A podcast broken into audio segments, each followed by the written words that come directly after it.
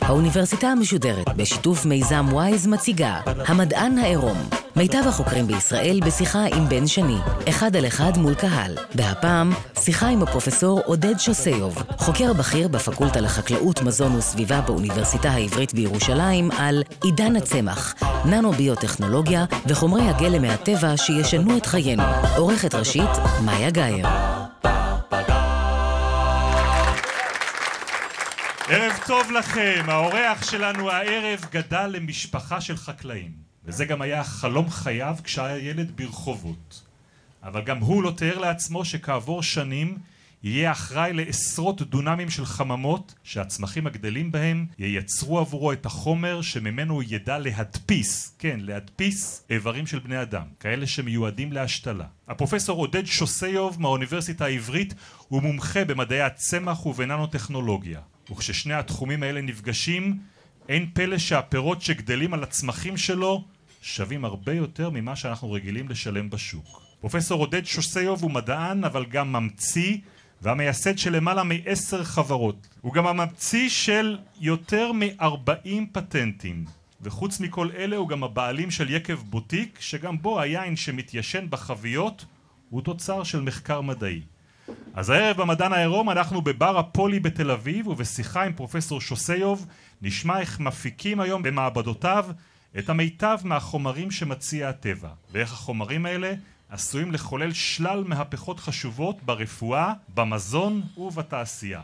אנחנו במדען העירום של האוניברסיטה המשודרת, אני בן שני והמפגשים הבאים כמו כל ההרצאות בסדרה הזו זמינים באפליקציית גלי צה"ל ובאפליקציות הפודקאסטים, חפשו שם את המדען העירום. אתה יודע, פרופסור שוסיוב, תמיד כשאנחנו מתחילים ערב כזה אני שואל על, ה, על הרקע של המדען, איך הוא בכלל התגלגל אל התחום. ובמקרה שלך, קצת מהשיחה המקדימה שערכתי איתך, אני יודע שזה סיפור חריג. אתה יכול לספר איפה היית ומה חלמת כשהיית נער? אה, כן, אז אה, למען האמת, אה, אני דור שמיני בארץ, בן למשפחה של חקלאים. ולכן היה לי מאוד טבעי ללכת ללמוד בפקולטה לחקלאות. חקלאים שמגדלים מה?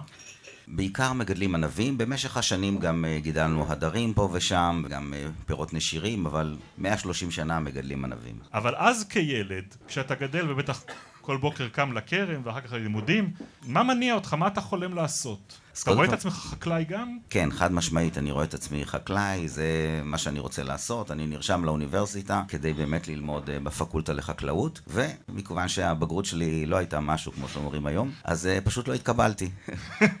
לא התקבלתי לאוניברסיטה, ניסיתי בכל זאת ללכת לעשות מכינה, הסבירו לי שזה לא מתאים, כי בסך הכל יש לי בגרות רק שהיא לא מספיק טובה, ואני צריך פשוט לשפר את הציונים בבגרות. ואיכשהו אה, הייתה שם איזושהי פקידה בהר הצופים שהייתה מאוד נחמדה אליי. ואמרה לי, תשמע, אני רואה שאתה גם אה, ביקשת כימיה כאופציה נוספת, אז אה, חקלאות אני לא מכירה אף אחד, אבל את הדקנית של כימיה אני מכירה. אולי תהיה מוכנה ככה לעשות לך טובה ולקבל אותך. דיבר אליך כימיה? אה, מאוד. אה, אהבתי לפוצץ כל מיני דברים כשהייתי קטן, אז ככה שמאוד התחברתי לכימיה. ובאמת אה, היא התקשרה אליה, אותה פרופסור לינה בן דור קיבלה אותי, והיא אמרה לי, תשמע, תבוא מחר לוועדה. היא גם אמרה לי שאני צריך להסתפר, כי היה לי שיער ארוך, ככה חזרתי מארצות הברית, הלכתי עם כזה, אני זוכר, היה סרבל כזה, והיא אמרה לי, לא, לא, לא, תבואי עם חולצה משובצת. ובאמת עשיתי כל מה שהיא אמרה, הגעתי בבוקר והיה ראיון, ובריאיון הם שאלו אותי למה אני חושב שאני ראוי להתחיל ללמוד באוניברסיטה, עוד כימיה. אז אמרתי להם שכשהייתי ילד בתיכון, לא שהתחשק לי ללמוד, אבל מאז עשיתי צבא והייתי קצין, ואני חושב שאני מסוגל ללמוד, ואני מאוד רוצה עכשיו. היה שם איזה פרופסור אחד, שאני לא אזכיר את שמו, והוא כל הזמן אמר שמבחינה סטטיסטית הסיכוי שלי לסיים תואר, ואפילו את הסמסטר הראשון, הוא אפסי, כי עם ציונים שלי, מבחינה סטטיסטית, אין סיכוי. וכל הזמן סטטיסטיקה וסטטיסטיקה, בסוף אמרתי לו, אתה יודע, מבחינה סטטיסטית כל בן אדם שלישי בעולם הוא סיני, והנה 1, 2, 3, ואתה לא סיני. הוא לא הבין את תחוש ההומור שלי, הוא ממש לא אהב את התשובה, אפילו התחיל לכעוס. אה, פרופסור בן דור אמרה לי, תצא החוצה, והתווכחו קצת, ובאמת, אחרי שחזרתי, אה, אמרו שהחליטו לתת לי צ'אנס, ושאני אלמד אה, שנה א'. למותר לציין שבאותה שנה לא ראיתי את אור השמש, ובאמת אה, סיימתי בהצטיינות יתרה. וגם הבנתי בעצם שאני גם מאוד מאוד אוהב כימיה, ולכן הלכתי באמת ל... ללמוד חקלאות, אבל אחר כך גם אה, חזרתי לכימיה. אבל כל זה בעצם היה בדרך לחזור לכרם, לעבוד עם אבא לעלות על. טרקטור בבוקר ולעבוד. בכרם. אז מה בסופו של דבר ישאיר אותך באקדמיה? אז זהו, שבאמת ביום האחרון ממש של הלימודים, תואר ראשון חקלאות, תופס אותי פרופסור בן עמי ברבדו, שלימים אחר כך היה גם מנחה שלי במאסטר ובדוקטורט, וגם שותף שלי ביקב, והוא שואל אותי מה אני הולך לעשות. אז אמרתי לו שאני חוזר למשק לעבוד עם אה, אבא בכרם. אז הוא אומר, אולי תבואו לעשות תואר שני. הסתכלתי עליו, אמרתי, לדעתי לעבוד על טרקטור מספיק תואר ראשון. אבל הוא אמר, תראה, תשאל בכל זאת, אולי... חשבתי שההורים אה, יתאכזבו, כי בכל אופן מחכים... בנו לי. עליך, כן, בן בנו. עליי. אבל אה, כמו, אני מניח, כל אה, הורה טוב, נותנים לילד הזדמנות ללמוד, אז לך תלמד. ואבא שלי הבטיח לי שתמיד אה, כשאני אחזור הוא יקנה לי טוריה חדשה, ש... כך שלא... ו... וזהו, מא- מאותו רגע שנכנסתי למעבדה הבנתי שבעצם זה המקום שלי ואני לא מוכן לצאת משם יותר לעולם. אז בהתחלה באמת אני חושב שמטבע הדברים, בגלל שלא הבנתי מספיק את המדע, אז המחקר היה די פשוט, אבל עדיין זה כיף לנסות משהו ו... וזה מצליח ולפעמים זה נכשל. ספר על ניסוי כזה, מה מנסים? אז למשל, באמת, אה, עוד פעם, אני ממש לא גאה במחקר של המאסטר שלי, כי אני חושב שהוא לא היה מי יודע מה, אבל הרעיון היה לנסות ולגדל ענבים אה, מחוץ לעונה. זו הייתה המשימה שהפרופסור שלי הטיל עליי, ומן הסתם אנחנו יודעים שהרי ענבים, הגפן עצמה נמצאת בתרדמה במהלך החורף, ורק לקראת האביב הגפן מלבלבת. ויוצאת תפרחת, והתפרחת חונטת לפירות, והפירות מתפתחים וצוברים סוכר, ולקראת הקיץ או סוף הקיץ הענב ממש טעים ואפשר לאכול אותו. והמטרה הייתה לגדל את הענבים ולהוציא אותם בינואר. האמת שאני לא מבין עד היום מי רוצה לאכול ענבים בינואר, אבל אה, זה גם כן נראה לי משהו מיותר, אבל בכל אופן, זה מה שרצו שנעשה. והפרופסור שלי, מאוד אהבתי את זה שהוא הוא לא כפה עליי את הרעיונות שלו. הוא נתן לי כיוון, אבל אמר לי, לך תשבור את הראש לבד. בזבזתי לו הרבה כסף. גם עשיתי ענבים. כלומר, הצלחתי לייצר ענבים באמת בינואר, פברואר, כן. בחורף. זה לא היה כלכלי מן הסתם. ניסיתי כל מיני דברים, חיממתי את השורשים, חיממתי את, כמובן את החממה, עשיתי כל מיני דברים נחמדים. בסוף זה היה מדע פשוט כזה, כאילו, זה לא היה נורא מתוחכם. אבל זה היה כיף, ולאט לאט התפתחתי במדע, והתחלתי לקרוא מאמרים, וללמוד, ולהבין יותר טוב באמת את הביולוגיה, שהיא בעצם, זה משהו מדהים, זאת אומרת, ככל שאני לומד, אני יודע כמה שאני לא מבין כלום. המאזינים ברדיו לא רואים, אבל העיניים שלך הבריקו ברגע שאמרת ביולוגיה.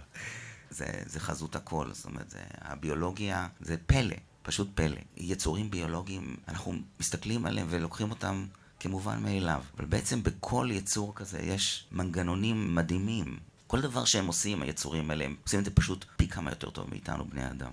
יותר טוב מאיתנו? אה, חד משמעית. תן לי ב- דוגמה. אוי, אולי הדוגמה אולי הכי פשוטה זה משאבה, כן? זאת אומרת, אנחנו בונים לנו משאבה. המשאבה הזאת במקרה הטוב אה, עובדת אה, 10-20 שנה. פעם בכמה חודשים אנחנו צריכים לעשות אה, טיפול, לעצור את המשאבה, לבדוק וכן הלאה. יש לנו פה בפנים משאבה בצד שמאל. לב, עובד more or less 80 שנה, אה, 24-7, בדרך כלל לא עושה בעיות. זו דוגמה אחת קטנה. אתן לך דוגמה נוספת, זה כושר החישוב. אנחנו נורא מתלהבים אה, מעולם הסיליקון, ובאמת, יש המון מה להתלהב ולהעריך את, את הפיזיקה המודרנית שיצרה לנו את המחשבים.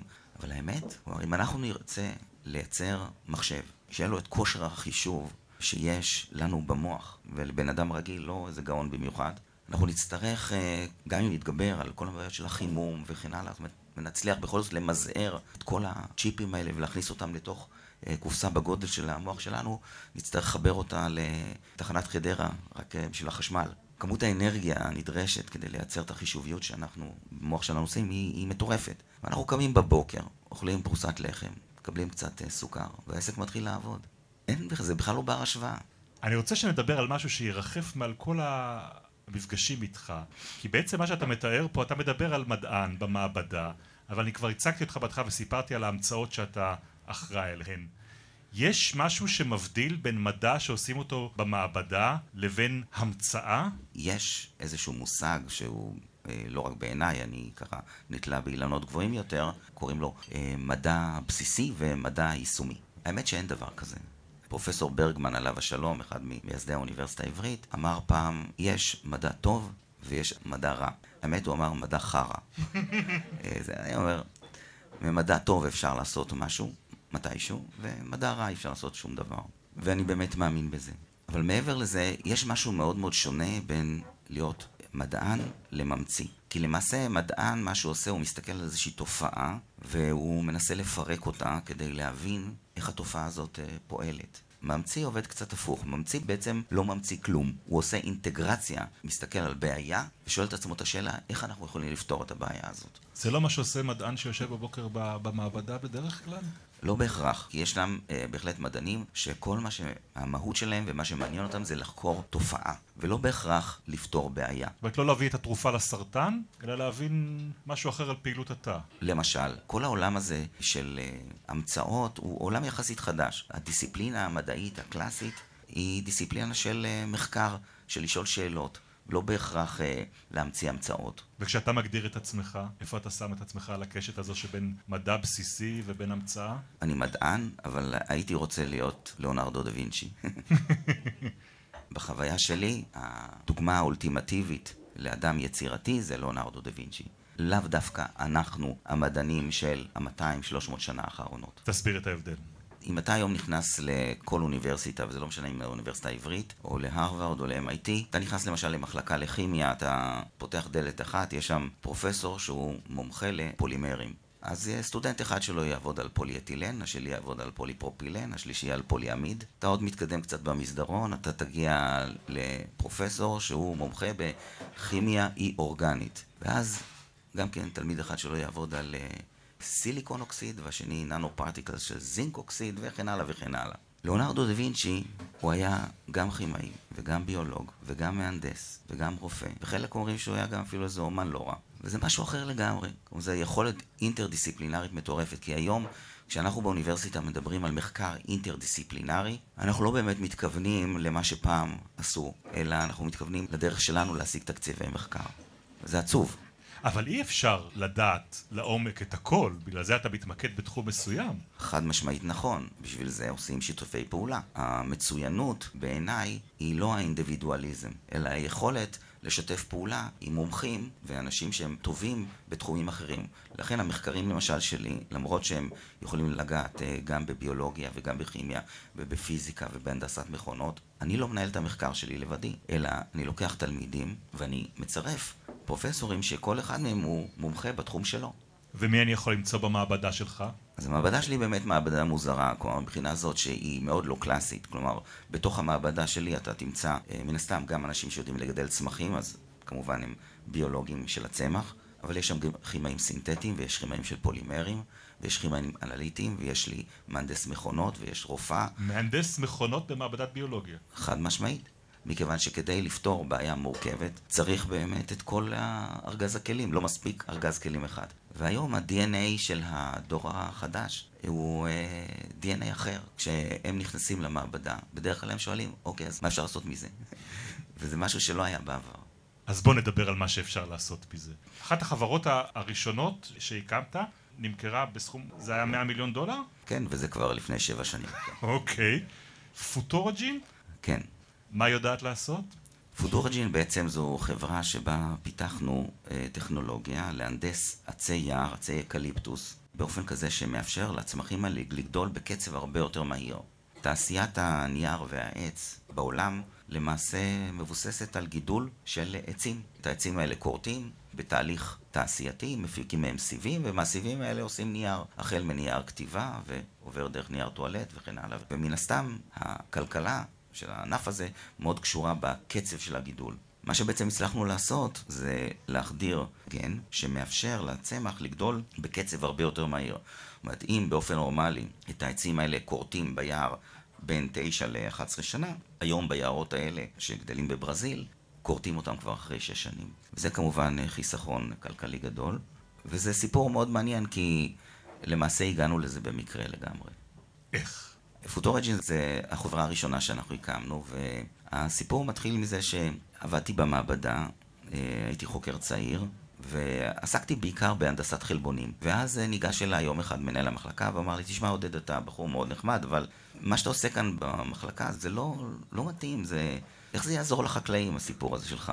אז אמרתי לו, אוקיי, אז מה, מה עושים? הוא אומר, תתחיל להתעניין בבעיות של חקלאים. ושאלתי אותו, אולי אתה יכול להגיד לי על איזושהי בעיה חשובה? אומר לי, למשל, הבעיה של החרצנים בקלמנטינות זה בעיה גדולה. אמרתי לו, למה זה בעיה? הוא אומר, כי תראה, אה, בישראל זה לא כזה בעיה, אנחנו אוכלים את הקלמנטינות, יורקים אותם ככה, את החרצנים, אבל באירופה, כשהם קונים קלמנטינה ישראלית, ויש בה הרבה חרצנים, אז כל חרצן צריך כפית, ולשים את היד ככה, ולהסתיר, ולהוציא את החרצן. וזו פעולה כזאת אה, לא נעימה, ותחשוב שאתה עושה את זה 50 פעם, אתה לא רוצה יותר לקנות תוצרת ישראל. אמרתי, תשמע, בעיה באמת רצינית, ואני מוכן להתמודד איתה. והוא גם הפנה אותי למועצת הפרי הדר, שנתנו לי תקציב יפה, והתחלתי לעשות מחקר. התחלתי לעשות מחקר בעצם עם הכלים שהיו לי, כלומר, ואני לא אעלה אתכם בסיפור, אבל אני רק אגיע לסוף, שבסוף הדרך מצאנו דרך לעשות יותר חרצנים. זה בעצם הפעם האחרונה שקיבלתי כסף ממועצת אה, פרי אדם, ובצדק, לגמרי, מבחינתם. אבל על הדרך גילינו דבר נורא מעניין. גילינו שהחלבון הזה שאיתו ניסינו למנוע את היצירה של חרצנים, גורם בעצם לצמח לגדול הרבה יותר מהר. וזה בעצם היה הטוויסט שלקחנו אותו לכיוון של... האקליפטוסים. האקליפטוסים, אמרת להחדיר גן, דיברת על חלבונים, אז בוא, במילים שיבינו אותך אנשים שיושבים עכשיו באוטו ומקשיבים לגלי צה"ל, או מי שיושב כאן ולא למד ביולוגיה, תסביר קצת את המושגים הבסיסיים בתחום ההנדסה הגנטית והננו-ביוטכנולוגיה. אוקיי, okay, אז האמת שזה די פשוט. בסך הכל, כל אורגניזם, בין אם זה צמח או חרק, או בן אדם או דג, אה, מכיל תאים. התאים שלו, בתוכם יש DNA. ה-DNA זה הקוד הגנטי. הגנים מקודדים לחלבונים, והחלבונים זה הפועלים שעושים את הפעולות בתוך האורגניזם, ובסופו של יום כל גן מקודד למשהו שאחר כך אנחנו קוראים לו תכונה, אוקיי? זה יכול להיות uh, צבע של תפוח עץ, או זה יכול להיות uh, ריח של uh, דג. הפול הגנטי הזה בדרך כלל בטבע ניתן לשימוש על ידי הפרטים של אותו המין. בעצם אם אני רוצה לעשות תפוזינה, אני לוקח תפוז וקלמנטינה וזה אותו מין ואני מערבב אותם, נכון? אה, נכון, משהו כזה. כלומר, אני יכול לקחת נגיד קלמנטינה ויכול לקחת תפוז, לקחת אבקה מאחד, לשים על הפרח של השני, לגרום להם לעשות סקס במילים פשוטות, ואז הזרעים הם בעצם יכילו את הגנים גם של האבא והאימא, ואז נקרא לקבל אה, איזשהו תוצר שהוא תוצר ההחלאה שלהם. אבל אתה רוצה לעשות יותר מזה. או, זאת אומרת, אם למשל הייתי רוצה להכניס תכונה כמו... עמידות לטמפרטורה מאוד נמוכה, לקיפאון של אה, דגים. אני רוצה עכשיו שיהיו לי עצים שמסוגלים לעמוד בטמפרטורות מאוד מאוד אה, נמוכות. שהם ידעו לספוג את מה שסופג הפורל נכון. בנהר קר מאוד. נכון, בדיוק. אז עכשיו התכונה הזאת, אי אפשר לקחת דג ולהחליא אותו עם, עם צמח, אבל בהנדסה גנטית אפשר, כי בעצם מאותו הרגע שאנחנו מסוגלים לקחת את הגן שאחראי לאותו חלבון שנקרא חלבון אנטיפריז, חלבון שמונע כפייה של אדם, אנחנו יכולים עכשיו להחדיר אותו לתוך הצמח, ועכשיו הצמח הופך להיות עמיד יותר לטמפרטורות נמוכות. אז זו דוגמה אחת, אבל יש כמובן אין סוף של uh, דוגמאות שאפשר יהיה לדבר עליהן. אז בואו נתחיל לדבר עליהן, ונשאל אותך למה אתה נותן לתקופה שבה אנחנו חיים את הכותרת המעליבה עידן הצמח. אז זהו, שאני דווקא חושב שזו מחמאה גדולה, אבל כדי להסביר את זה, אז אה, אני רוצה ברשותך לתת ציטוט של שר הנפט הסעודי. שר הנפט הסעודי לשעבר אמר שעידן האבן הסתיים הרבה לפני שנגמרו האבנים על פני כדור הארץ. כלומר, היו מספיק אבנים, לא בגלל זה עידן האבן הסתיים. והוא גם טען שעידן הנפט הולך להסתיים הרבה לפני שהסתיים לנו הנפט בבארות הנפט. ואני אומר שזה הסתיים הרבה יותר מוקדם, מסיבה נורא פשוטה. כי חומרים ביולוגיים הם פשוט הרבה יותר טובים, הם הרבה יותר מוצלחים. ממה? מהחומרים הסינתטיים. עכשיו, זה לא חוכמה גדולה, למען האמת, כי לנו, למדענים, בסך הכל, כדי לייצר את החומרים הסינתטיים האלה, היה לנו 200-300 שנה של כימיה מודרנית, מהפכה תעשייתית, בעוד שבטבע, לטבע היה מיליארדים של שנים לפתח חומרים מדהימים, שהלוואי והיה לנו רק את היכולת להשתמש בחלק מהם. תן לי דוגמה לחומר שאנחנו מייצרים ומתלהבים ממנו היום והוא סינתטי, לבין חומר מקביל לו בטבע שיכול היה לעשות הרבה יותר. אה, אחת הדוגמאות שאני אוהב לתת, זה גם נובע מהמחקר שלנו, זה חלבון שנקרא רזילין. אה, זה חלבון שמי שמייצר אותו הם פרעושים. פרעושים, כמו שאתם יודעים, הם אלופי העולם בקפיצה לגובה. פרעוש מסוגל לקפוץ בין פי 100 ל-200 מהגובה שלו, שזה די מדהים כי זה בעצם כמו בן אדם שיעמוד באמצע מנהטן ובקפיצה אחת יגיע לקצה של ה Empire State Building. אז אתה חייב להודות שזה מרשים. בהחלט. איך הפרעוש עושה את זה? איך הוא מצליח לקפוץ כל כך גבוה? אז מסתבר שבמהלך האבולוציה, הפרעושים פיתחו להם חומר כזה נורא מיוחד, שזה חלבון, שנקרא רזילין, ובמילים פשוטות, זה בעצם הגומי האולטימטיבי. אתה יכול למתוח אותו, אתה יכול לקבצ'ץ' אותו, ולהשאיר אותו שם המון המון זמן מקובצ'ץ' כזה, והוא לא מאבד כמעט שום אנרגיה לסביבה בצורת חום או חיכוך. ברגע שרוצים, משחררים אותו, פאף, הוא מחזיר את כל האנרגיה בצורה כמעט מושלמת. ככה בעצם הפרעוש הצליח לייצר לעצמו איזה מין מקפצה כזאת, מין jumping pad כזה, שהוא טוען באנרגיה את הרזילין, וכשהוא צריך הוא משחרר את זה והוא קופץ לו. אתם מבינים שהפרעושים שבמהלך האבולוציה היה להם ריזולין לא מי יודע מה, הם לא איתנו היום, כי החתול אכל אותם. אבל אלה שבכל אופן במהלך האבולוציה הצליחו לפתח כזה רזילין מדהים, שהוא הרבה יותר טוב מכל גומי שאנחנו מכירים, הם שרדו. אז לכן, אם לנו הייתה את האפשרות להשתמש ברזילין הזה לצרכים שלנו, זה היה דבר מדהים. כי המון אנשים היו רוצים רזילין. אבל השאלה היא באמת, אז איך משיגים אותו? אז דרך אחת, זה לאסוף פרושים. אבל זה כפי נראה לא רעיון כל כך טוב, כי הם קופצנים, וקשה לתפוס אותם. וגם אם תפסתם כמה, אז אין הרבה חומר, כי הם קטנים. אבל זה מה שיפה בטכנולוגיה. מספיק לתפוס רק אחד. כל מה שאנחנו צריכים לעשות זה עכשיו לשלוף לו את ה-DNA, לבודד את הגן שאחראי לייצור רזילין בפרעוש, ולהשתיל אותו ליצור הרבה פחות קופצני, כמו צמח למשל. אז היום אנחנו יודעים לייצר המון המון רזילין, ואפשר לעשות עם זה המון דברים. זאת אומרת, אתה משתיל את הגן גן. הזה נכון. בתוך צמח. ועכשיו הצמח, במקום לייצר ענבים לצורך העניין, מייצר רזילין.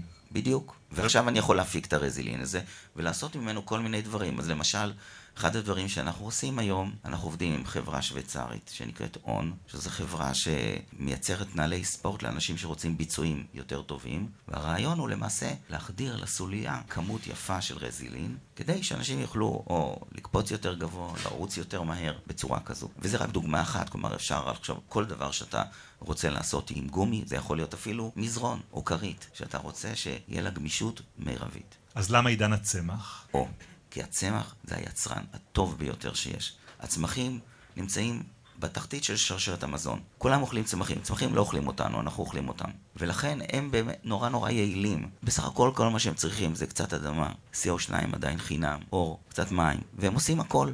תבדוק למשל חלבון. מה החלבון הכי זול היום על פני כדור הארץ? חלבון סויה של צמח.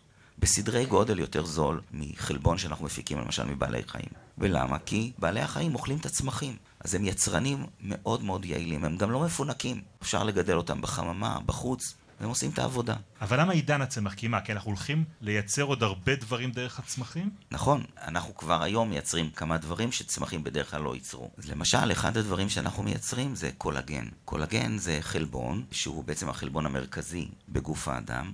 אין לנו בעצם בגוף שום דבר יותר מקולגן למעט מים. זה חלבון השלד. עצמות זה 50% קולגן, 50% מינרלים. העור שלנו, 70% קולגן. גידים ורצועות, קרוב ל-100% קולגן. לכן אני תמיד אוהב להגיד שאם מישהו בביזנס חלקי חילוף לבני אדם, טוב שיהיה לו קולגן. איך אתה מייצר קולגן? אז עד היום את הקולגן שמשמש להרבה מאוד שתלים רפואיים, כמו dermal fillers, שזה ג'לים להסרה של קמטים וניפוח שפתיים, או מניסקוס מלאכותי, או תחליפי עצם, עלעלים למסתמי לב. כל אלה עד היום היו מייצרים מגוויות של חזירים, גוויות של בקר וגוויות של בני אדם. מה, מה בדיוק עושים? לוקחים את הרקמה, קודשים אותה, מרסקים אותה, אה, מפעילים אנזימים, כימיקלים, ומטהרים בעצם את הקולגן. כדי אחר כך לעשות איתו מה? להפוך אותו למין משחה שכמו שאתה אומר, ממלא קמטים? זה דוגמה אחת, או לחילופין גם אה, עלעלים למסתמי לב, אה, תחליפי עצם וכן הלאה. אבל כמובן ברור לכל אחד שזה לא באמת רעיון טוב, כי אנחנו לוקחים רקמה זקנה ומשומשת, ומפיקים ממנה את אבן הבניין. זה כמו ש... אני יכול לקחת uh, קיר ישן ולפרק אותו לאבני בניין, ועכשיו לבנות מזה קיר חדש. אבל ברור לכולם שזה לא יהיה אבן כמו שמקבלים אותה מהמפעל, חדשה. והדבר הבעייתי עוד יותר, הוא שבעצם כל המקורות עולה שציינתי, בין אם זה פרות, חזירים, גוויות אדם, הם מקור למחלות, לווירוסים, לפריונים, מחלת הפרה המשוגעת, you name it. אז אתה יודע למצוא את הגן שמייצר את הקולגן, משתיל אותו בתוך הצמח. איזה צמח? אז זה קצת יותר מורכב, כי זה לא גן אחד, כלומר כדי לייצר קולגן אה, נדרשים חמישה גנים מהאדם שיעבדו ביחד, כי זה חלבון מאוד מאוד מורכב, קולגן. בגדול זה בדיוק מה שאמרת. בודדנו את כל חמשת הגנים מהאדם והחדרנו אותם בהנדסה גנטית לצמח אחד של טבק. אותו טבק שמעשנים אותו. הטכנולוגיה הזו למעשה בשלב, ויש היום בישראל עשרות אלפי מטרים מרובעים של חממות בכל הארץ, החל מרמת הגולן, יסוד המעלה, במרכז הארץ, בחצבה. חקלאים מקבלים שתילי טבק קטנים, נראים כמו טבק נורמלי לכל דבר, רק מכיל חמישה גנים של אדם, שמלמד את הצמח איך לייצר קולגן אנושי בעלים שלו. החקלאים מגדלים את זה בין 50 ל-60 יום, אנחנו קוטפים את העלים, העלים מובלים במשאיות מקוררות למפעל בצפון, ביסוד המעלה, ושם מתחיל תהליך הפקה שבגדול זה, אם עשית פעם פסטו, אז אתה יודע, לעשות קולגן, טוחנים את זה ככה עם מין food אה, processor כזה גדול, תעשייתי, סוחטים, מרכזים את החלבון, החלבון עצמו, הקפוא, עובר לפארק המדע פה ברחובות, לחדרים נקיים, ושם מטהרים אותו, והתוצר הסופי הוא קולגן זהה לחלוטין לזה שיש לנו בגוף האדם, רק שמעולם לא נעשה בו שימוש, ומכיוון שגם צמחים הם חפים ממחלות של בני אדם, אז הוא גם הרבה יותר בטוח לשימוש. ואז לוקחים את התוצר הסופי שלך הזה, ומה עושים איתו? ממנו אנחנו עושים שתלים רפואיים. יש כבר שניים שלמעשה אה, פיתחנו אותם אה, בחברה, והם גם סיימו ניסויים קליניים וקיבלו אישורים באירופה ובישראל, ואלה מוצרים שהיום כבר קיימים. מוצר אחד תפקידו לריפוי של קיבים סכרתיים, ומוצר שני זה מוצר שמיועד לריפוי של גידים ורצועות שהם אה, נפגעו בתהליך של קריאה או פגיעה אחרת. זאת אומרת, את התמצית הזאת של האפקט של הקולגן פשוט מזריקים לתוך גוף האדם והוא מרפא את האזור הפגוע? נכון, אבל אולי אני קצת אסביר אה, יותר טוב. אז למשל ניקח את הדוגמה של אה, קיבים סכרתיים, שזה בעצם היה גם המוצר הראשון שפיתחנו ואושר. מעל 450 מיליון בני אדם בעולם סובלים ממחלת הסוכרת. מתוכם אחוז מסוים במהלך החיים יחווה קיב סכרתי, שאם הוא נרפא הכל בסדר, ואם לא, זה חלילה מוביל גם לקטיעה או של אצבע או אפילו ממש כף רגל. המוצר הזה שאנחנו פיתחנו עובד בצורה כזאת. הרופא ניגש לפצע עצמו, עושה תהליך שנקרא התריה, הוא מסיר את התאים המתים ומזריק את הקולגן לתוך חלל הפצע. התאים החיים בשולי הפצע הם מזהים את הקולגן, כי זה בעצם הפיגום הטבעי שלהם. הם נקשרים באמצעות רצפטורים קולטנים מיוחדים, ומקבלים סיגנל שאומר להם, היי, hey, אתם במקום הנכון, תתחילו להתרבות. ואז הם בעצם מתרבים וממלאים למעשה את הרקמה ברקמה שנקראת רקמת גרנולציה. ברגע שהרקמה הזאת מגיעה לפני השטח, שורת תאים נוספת של תאי העור למעשה נכנסת לפעולה וסוגרת את הפצע. בעצם אנחנו מנצלים את תהליך הריפוי הטבעי שקיים לגוף האדם. אנחנו לא עושים משהו שהוא בניגוד לטבע, כי כשאנחנו נפצענו, לפני שהייתה טבע ולפני שהיו uh, כל חברות פייזר וכן הלאה, הגוף שלנו ידע לרפא אותנו. יש לנו מנגנוני ריפוי טבעיים. הקולגן הוא בעצם הפיגום שעל פיו גדלים הרקמות, ולכן אם אנחנו נשים אותו במקום הנכון ובאיכות הנכונה, אנחנו נאפשר לגוף שלנו לרפא את עצמו. ואם אני יכול רק להעריך, אז גם הרבה יותר זול לייצר ככה קולגן מאשר הצורה הדי מזוויעה שתיארת קודם של האופן שבו ייצרו אותו עד היום. אז האמת היא כזו שהיום עדיין הקולגן האנושי שמיוצר בצמחים הוא עדיין יותר יקר מהקולגן שמופק מגוויות. אבל uh, זה רק שאלה של סקלת גידול. להערכתי, בתוך כמה שנים זה יהיה הרבה יותר זול. אני רוצה רק לשאול איזושהי שאלת כפירה אחת, כי הרי כל מה שאתם עושים פה, זה דיברת על כמה הטבע הוא יפה ונפלא, אתם עושים פה התערבות מאוד משמעותית בבריאה הזאת. אתה יודע גם להעריך איזה נזק אתם עלולים לעשות באותו אופן? שצמחי הטבק שלנו פתאום יהיו אחרים לגמרי?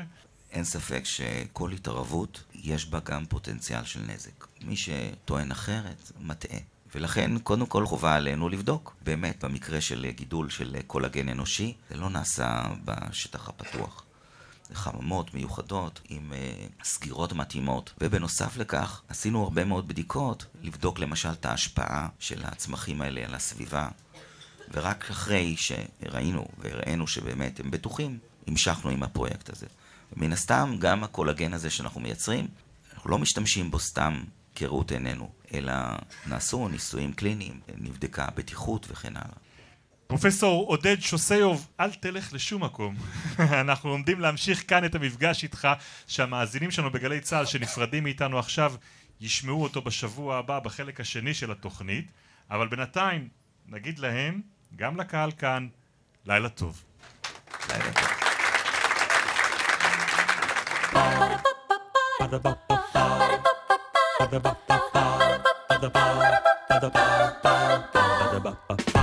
האוניברסיטה המשודרת, המדען העירום.